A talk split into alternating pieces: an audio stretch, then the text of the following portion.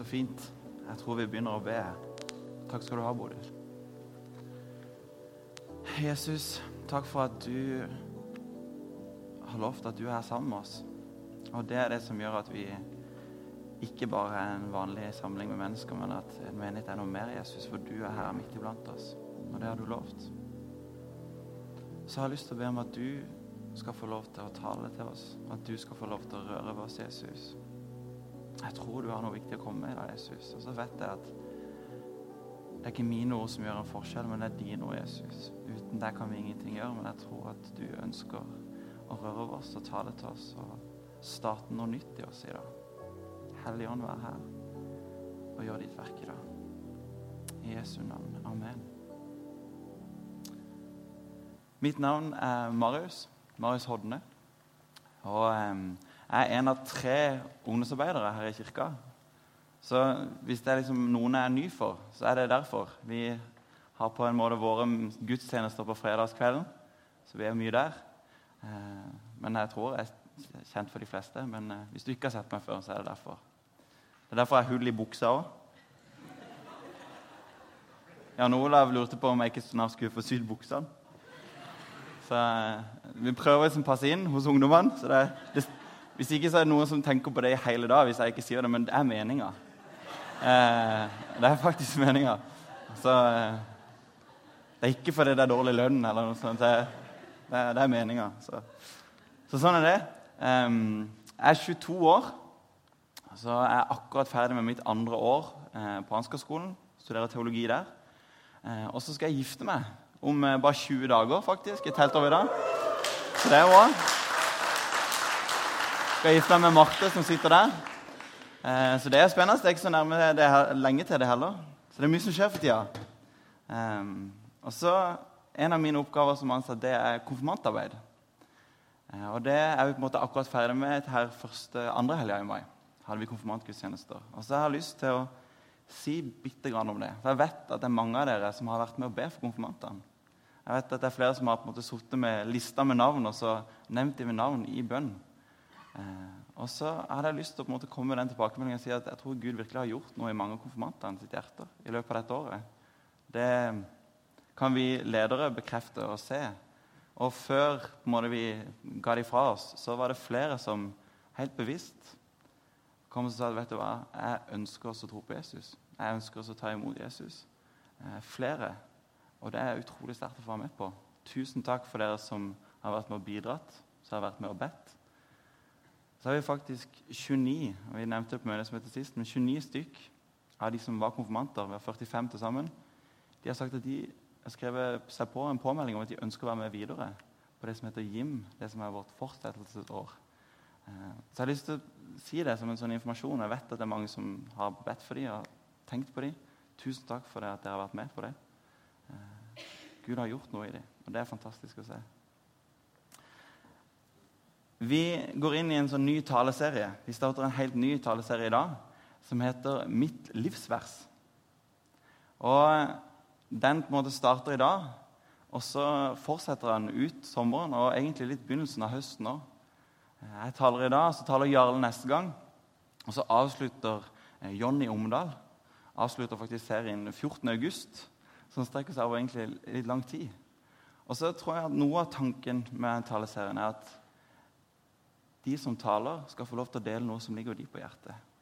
Det som på en måte er de sin hjertesak, det som de kjenner på, det kan de få lov til å dele i en sånn serie. Og jeg tror det blir en, på en, måte en personlig serie, en litt sånn nær eh, serie, hvis jeg kan si det. Der jeg får lov til å dele noe som på en måte har fått spesiell betydning. Har fått en eller annen sånn, Et vers som har fått en eller annen retningsgivende faktor i den som eh, deler, den som taler sitt liv. Og det verset jeg har kjent på, og som Bodil nevnte nå, det er dette verset her. Johannes 17, 3. Og Der står det Og dette er det evige liv, at de kjenner deg, den eneste sanne Gud, og Han som du har sendt, Jesus Kristus. Så tar jeg og leser det en gang til. Og dette er det evige liv, at de kjenner deg, den eneste sanne Gud, og Ham du har sendt, Jesus Kristus. Dette verset er faktisk en del av en bønn som Jesus ber på en måte noe av det siste han gjør før han drar opp til himmelen. Og så skal jeg prate på en måte mye rundt dette verset. Men for meg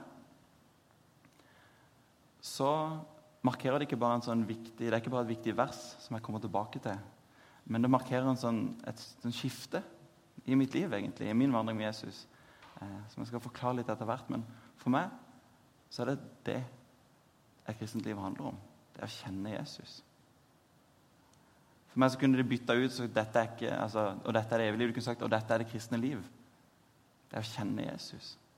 Eh, for meg så er det på en måte og Når folk spør meg og prater gjennom ungdommer, da man gjør det kort Hvis de spør hva er, hva er, hva er kristen tro med ett ord, så er det kanskje relasjon jeg svarer, eller fellesskap. Relasjon med Jesus, fellesskap med Jesus.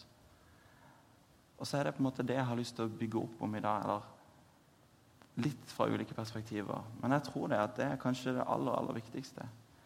Og så tenker kanskje noen at det er ikke noe nytt. Det har jeg hørt mange ganger, at vi skal kjenne Jesus. Og det har jeg hørt mange ganger, men jeg tror at det er en sånn viktig påminnelse. Det handler faktisk om en, en relasjon med en person. Vi har så lett for å på en måte glemme det, eller jeg har i hvert fall veldig lett for å glemme det. Men jeg tror at vi trenger en påminnelse på det. Og så tror jeg kanskje at Gud ønsker å kaller på oss. Vekke opp vårt indre, som den ene sangen handler om, til relasjon med Han. Til fellesskap, til samfunn med Gud. Jeg er vokst opp på Søm. Bare noen eh, minutters gange herfra. Eh, og har egentlig, på en måte, som sikkert mange andre, her vokst opp i en kristen familie. Og Helt fra jeg var liten så kan jeg huske at jeg liksom ble dratt med i kirka på søndagen. Jeg kan huske at jeg hadde ikke lyst noen ganger heller, men jeg ble liksom tvingt med eh, på søndagsskolen. og sånn. Og det, Jeg er takknemlig for det nå. Jeg var ikke så takknemlig for det da. alltid. Um, men veldig tidlig så var jeg satt inn i et sånt kristent fellesskap. Og jeg kan huske at i barnehagen så kom jeg liksom, og så var det noen som faktisk sa at de ikke trodde på Jesus. De gikk ikke i kirka. Og så fikk jeg helt sjokk. Jeg har aldri hørt om det før. Fantes det noen som ikke trodde på Jesus og gikk ikke i kirka? Det var helt nytt for meg. Så Det sier jo på en måte litt om at veldig tidlig så var på en måte en del av det. Jeg var veldig takknemlig for det at mamma og pappa dro meg med i kirka. Og etter hvert som jeg på en måte begynte å bli eh, ungdom, så var det veldig en sånn, jeg tror jeg tydelig bekjent at jeg tror på Jesus. Jeg ønsker å følge Jesus. Og hver helg gikk til å være med i ungdomsarbeid. Enten jeg spilte eller var med på et eller annet. Både fredag og lørdag så var det gudstjeneste på søndag. Det var på en måte sånn eh, helgene mine gikk. Det var det jeg brukte min tid på. Og så er det fint. Men når jeg ser tilbake på det nå, så, så prater jeg litt om den endringa. Så er det noen ting som jeg ser, som jeg skjønner, som jeg kjenner på at det var ikke alt jeg forsto like godt. Man tror gjerne at man forstår alt når man er ung. Og jeg er fortsatt ung, så jeg forstår sikkert ikke alt ennå.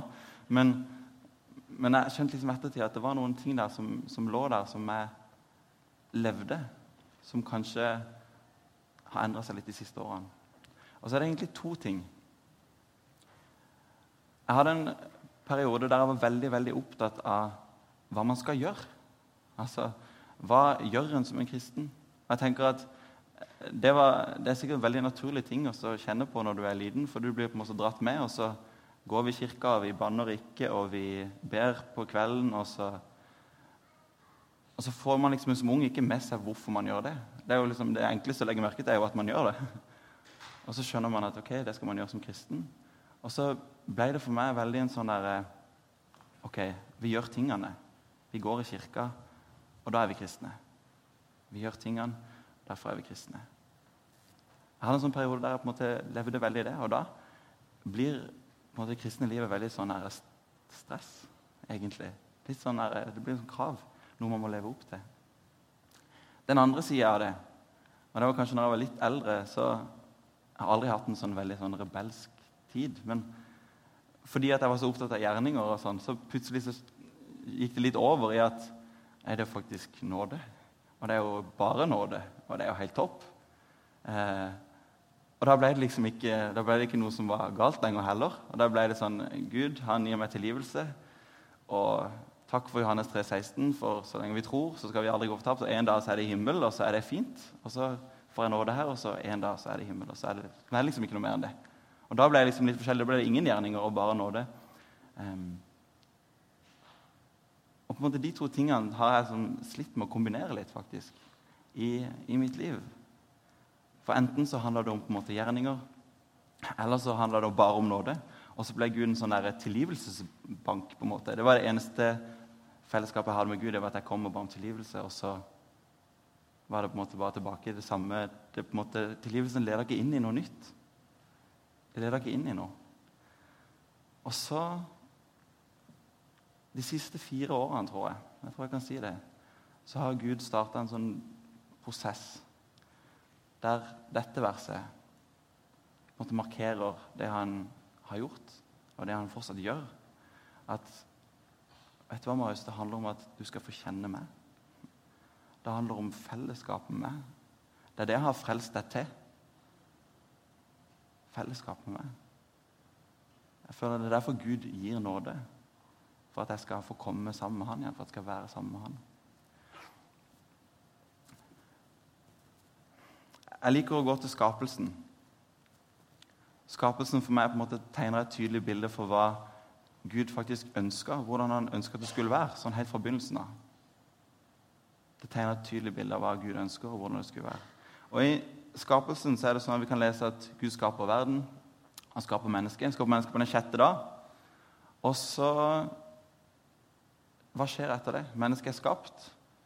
Den syvende dag så hviler vi.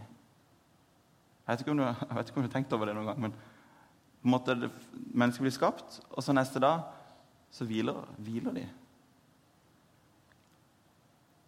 Jeg har veldig lett for å bli sånn at jeg må gjøre noe. må gjøre et eller annet.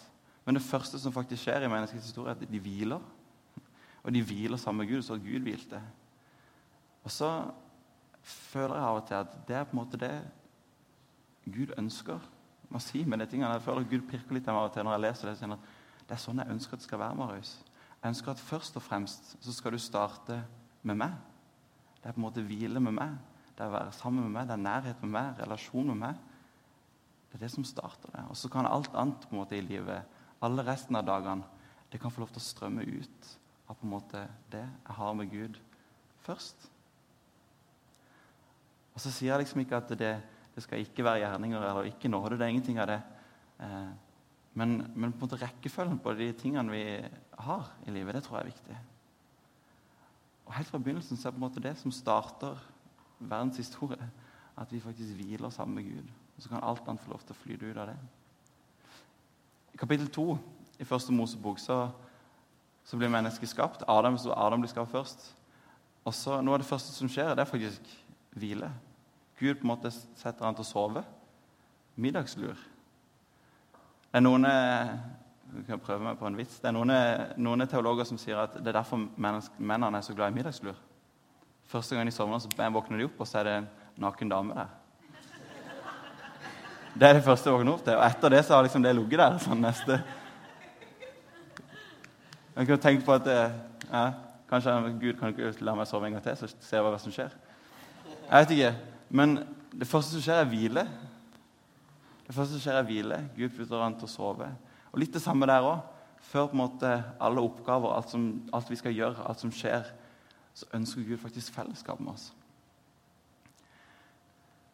I kapittel 3, første Mosebok fortsatt, så er det på en måte, har vi lest om syndefallet. Mennesket valgte å vende seg bort fra Gud. Og så skjer det et eller annet med relasjonen. Jeg skal ta oss og lese det. Da hørte de, Adam og Eva, altså, lyden av Herren Gud som vandret i hagen i den svale kveldsprisen. Og mannen og kvinnen de gjemte seg for Herren Gud blant trærne i hagen. Men Herren Gud ropte på mannen og sa, 'Hvor er du?' Og han svarte, 'Jeg hørte lyden av deg i hagen, og jeg ble redd, for jeg var naken, og jeg gjemte meg.' Jeg gjemte meg. Jeg var redd. Her er det plutselig en sånn endring i relasjonen. Måte det var hvile, fellesskap. Og så går det fra det, hvile, fellesskap, intimitet med Gud, til å på en måte De gjemmer seg. De gjemmer seg. Og så er vi vant til å høre at ja, det er på en måte synden som, som på en måte setter et så tydelig skille.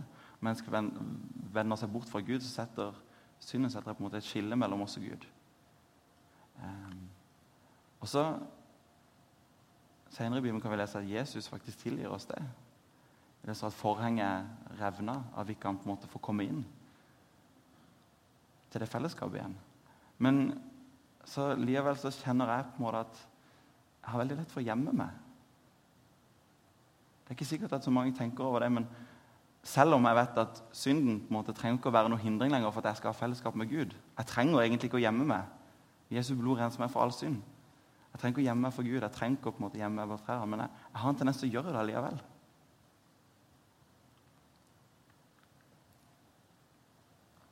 Når mennesker skal forlate hagen, når Gud på en måte driver de vekk fra hagen, så står det at de dro øst. Og Det er sånne ting som sikkert ikke man tenker så mye over. De dro øst. Og Seinere i kapittel 11, tårnet i Babel, så står det at mennesket dro øst. På en eller annen måte så tenker jeg at Det blir nesten en sånn metafor for at mennesket beveger seg på en måte vekk fra Gud. Vekk fra hagen, vekk fra intimitet, vekk fra fellesskap med Gud. Vekk fra den der på en måte hvilen hos Gud først. Beveger seg lenger og lenger øst. Og så må jeg innrømme at jeg har veldig lett for å kjenne på en sånn dragning mot øst sjøl. Jeg sa det at jeg er veldig lett for å gjemme meg. Veldig lett for å bevege meg mot øst. Og når jeg sier at det er lett for å gjemme meg, så er det ikke sånn nødvendigvis bevisste steg bort fra Gud. Men jeg kjenner at det er veldig lett for å gjemme meg i alle tingene mine. Eller gjemme meg i alt jeg skal gjøre, alt som skjer i livet. Sånn Det er eksamen, og skal vi gifte oss snart, og det er mye som skjer. Jeg er veldig lett for å gjemme meg i alle tingene, så jeg må gjemme meg bort litt fra det der fellesskapet med Gud. Og så tror jeg det er noe flere kan kjenne på, ikke bare meg. Men det utfordrer meg. At jeg, jeg gjemmer meg fort i de tingene. Og det var en, noen ting jeg kjente på når jeg ba før denne gudstjenesten, at vet du hva, Gud, jeg har så lett for å gjemme meg. Og så vet jeg at Gud ikke bare etter meg, men etter dere også går og leter. Går i hagen og leter etter hvor er dere hen. Jeg ønsker å være sammen med dere. Jeg kjenner litt en sånn dragning mot øst. Og jeg vet ikke om det er bare meg, men jeg vet at for Når jeg har bestemt meg for at nå skal jeg bruke tid med Gud, for eksempel. nå skal jeg bruke tid i Bibelen, ta det som eksempel. Det er så vanvittig mange ting som blir fristende når du har bestemt deg for å bruke tid med Gud. Jeg har aldri lyst til å vaske tøy. Men når jeg har bestemt meg for å bruke tid med Gud, da har jeg lyst til å vaske tøy. Det er veldig rart, det der. Eller lekser. eller sånn, ah, Det var et eller annet bilen. Kanskje jeg skulle vaske den. Eh, det var noen lekser jeg skulle ha gjort. Alt blir fristende når jeg har bestemt meg for å bruke tid med Gud. Kanskje det er bare meg det går ille med, men eh, jeg håper noen kjenner seg inn i det. Alt annet blir liksom gøy når det er det du har bestemt deg for. Det er et eller annet som på en måte Og så har jeg på en måte prøvd å liksom lokalisere hva det er for noe. Men det er sånn her, vi har veldig lett for å gjemme oss i alle mulige ting som skjer. Gjemme oss for fellesskap, gjemme oss for intimitet med Gud.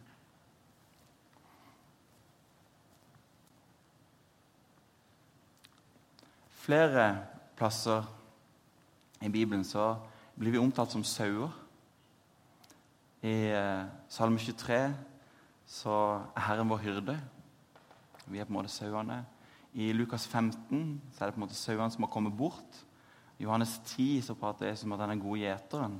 Sauene de hører hans stemme, lyder han. Ikke, har du tenkt over noen gang hvorfor Gud på en måte bruker det bildet? Hvorfor Jesus bruker det bildet for å betegne oss? sauer. Jeg har grunna litt over det, faktisk. Altså, hvis det er noen som brenner inn med veldig mye kunnskap om sauer, så kan det være at dere må ha meg unnskyldt. Jeg er ikke sånn ekspert. Men hvis dere kan veldig mye, så bli gjerne med på tankene mine allikevel. Men jeg har tenkt litt på hvorfor, hvorfor sauer. Og det første som slår meg, det er egentlig at sauen er litt sånn hjelpeløs. Det er min første tanke når jeg tenker på sau. Sauen er litt hjelpeløs. Jeg føler jeg stadig leser eller ser på nyhetene liksom noen sånne sinte bønder inne i Innlandet en plass som klager at nå har ulven slått til igjen, eller et eller annet dyr som tar sauene. De, har liksom, de er liksom hjelpeløse. De har ingen kule triks, tenker jeg. Sauen har ingen altså, Det er en kjip sammenligning for oss, dette her, men hvis noen kunne velge Det er jo ingen som hadde valgt en Hvis du kunne velge et dyr å være og ingen som har valgt en sau. Har du tenkt på det? Det er ingen som har valgt det. En løve eller en hai eller bjørn eller et eller annet. Det hadde vært kult, det. Men en sau, på en måte. Det er ingen, som, er ingen som kommer for å være en sau. Men likevel så er det det Gud på en måte Sauen har ingen triks. Ingen har ikke rask engang. Ja. Men det som kjennetegner er at han er jo litt hjelpeløs. Han trenger en hyrde. Han trenger, han trenger på en måte hyrdens nærhet. Han trenger hyrdens ledelse. Han trenger, vi trenger Guds nærhet i våre liv. Og så tror vi kanskje, og kan kjenne på det ofte, at vi ønsker oss å fikse det sjøl. Men jeg tror vi trenger Guds nærhet i våre liv. Og så tenker jeg, liksom, Det var at sauen er hjelpeløs. Det er nummer én. Men nummer to er jo at jeg tenker sauen er litt feig. Kanskje henger det noe sammen med at han er hjelpeløs. Jeg tenker sauen er litt feig, veldig redd. En gang jeg var til forbønn, så var det noen som sa de at de hadde et ord til meg. Og det ordet jeg fikk, var at du er en feig sau. Det er et fint profetisk ord. Faktisk så var det Marte som ba for meg. Det var et veldig bra sjekketriks. Jeg får lov til å si det. er. Men, jeg, men, men, det jeg mente med det, da En feig sau det er kanskje ikke som det man ønsker å høre når man kommer til forbønn, men,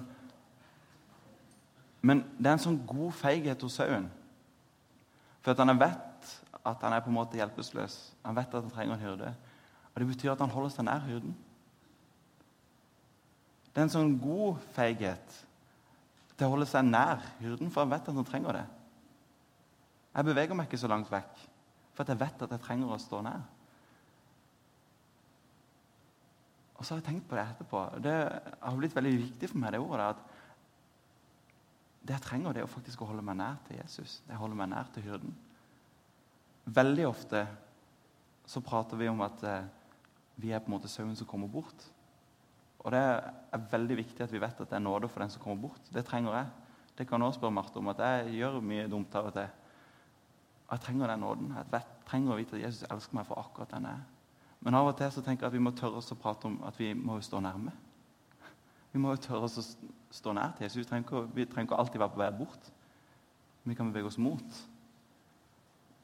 Tenk at Den på en måte feigheten, hvis jeg kan si det, den lengselen etter å stå nær til Jesus, etter å sentrere livet om Jesus og om hyrden, det er noe vi trenger å be om at vi skal få mer av og jobbe med. på en måte Vende livet vårt den veien, så det kan sentreres om, om hyrden.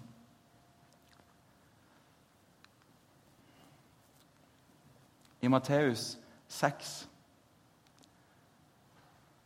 som er en del av bergprekenen, så taler Jesus om dette. Han sier noe om at når dere ber, når du ber, skal du gå inn i rommet ditt, lukke døren og be til din far som er i det skjulte. Og din far som ser i det skjulte, han skal lønne deg. Hvis vi ser gjennom evangeliene, så tror jeg at Jesus forsto bedre enn noen av oss det her viktigheten av å starte med Gud først.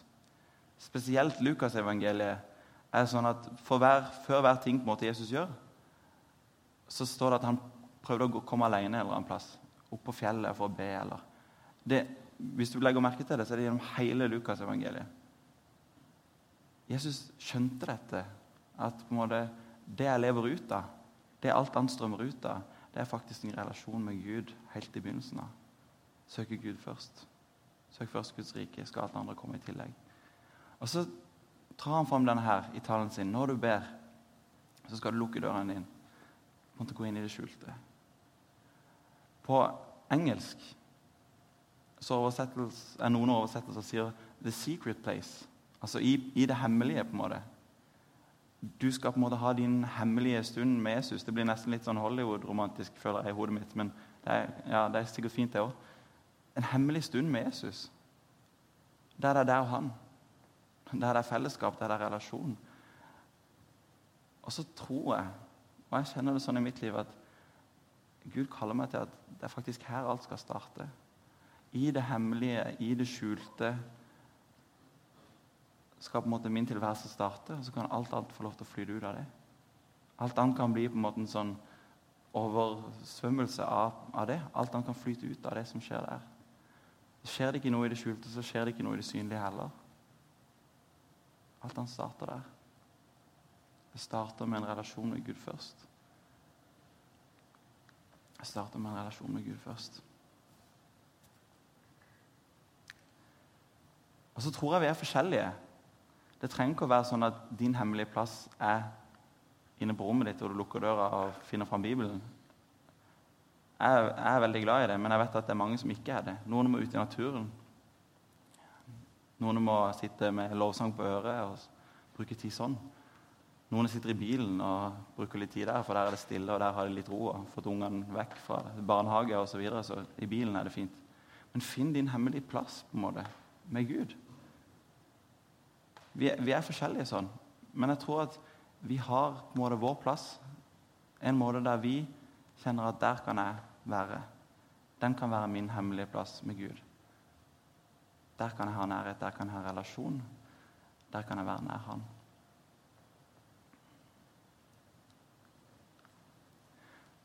Helt til slutt så Jeg har lyst til å avslutte med et vers fra Johannes' åpenbaring. Og det er eh, noen ord som er til menigheten i Efesos. Som er i Johannes' åpenbaring 2. Og der sier på en måte Bibelen om dette at jeg vet om dine gjerninger. Ditt strev, din utholdenhet. Jeg vet om alle de der tingene du skal gjøre. Men du har holdt ut.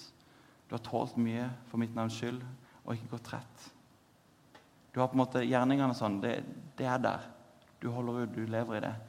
Men så sier Guds ord at Men én ting har jeg imot deg. At du har forlatt din første kjærlighet. At du har forlatt din første kjærlighet. Den der første relasjonen med Gud, den er så utrolig lett å forlate. Jeg, hver gang jeg kommer over dette verset, så tenker jeg at det er så utrolig sant. Jeg har, der, jeg har, så lett for å gjemme meg i de der tingene.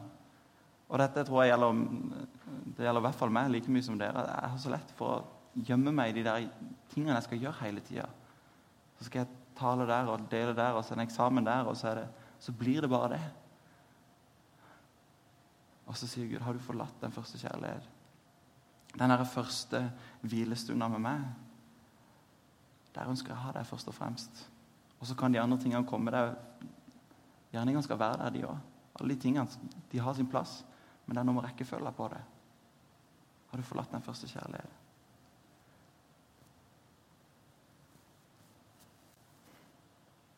Lovsangsteamet kan få lov til å komme opp. På menighetsmøtet sist søndag så delte Kjær Rune bitte grann om at dette er en tid for å søke Herren, sa han. Dette er en tid for å søke Gud. Vi som menighet har på en måte mange ting som ligger foran. Vi skal inn i. Og så tror jeg det er så mye sant i det. Dette er en tid for å søke Gud. Og vi i vårt personlige liv så har vi sikkert mange ting som måtte ligge foran. som vi skal inn i. Men så er det det at det er alltid en tid for å søke Gud. Det er alltid en tid for å starte der. Så skal vi gå inn i responsdelen nå. Da gjør vi det som vanlig at det er bønnekrukke der ute, hvor du kan skrive din bønn, legge den oppi. Om det er noe spesielt du kjenner på, noen du vil be for, så har du lysgloben der hvis du vil tenne et lys for noen. Men jeg er lyst for deg at kjenn etterpå hva du må respondere på. Så Responstida er egentlig en tid til ettertanke. En tid til å kjenne hva sier Gud til meg for noe. Kanskje ikke disse tingene treffer deg i det hele tatt, og det er helt greit. Eller så peker Gud på noen ting som gjelder deg, som du kan svare på, som du kan få lov til å respondere på. Og så har jeg lyst til å avslutte med en invitasjon. For litt seinere, Johannes' åpenbaring Oi, nå forsvant den. Eh, så sier Jesus at Se, jeg står for døra og banker. Og den som hører min røst og lukker opp, han vil jeg gå inn til. Jeg står for døra og banker. Jeg er klar. Gud går og leter i hagen etter fellesskap med oss. Han søker fellesskap med oss. Og så er det opp til oss å slippe opp. Åpne opp den døra. Amen.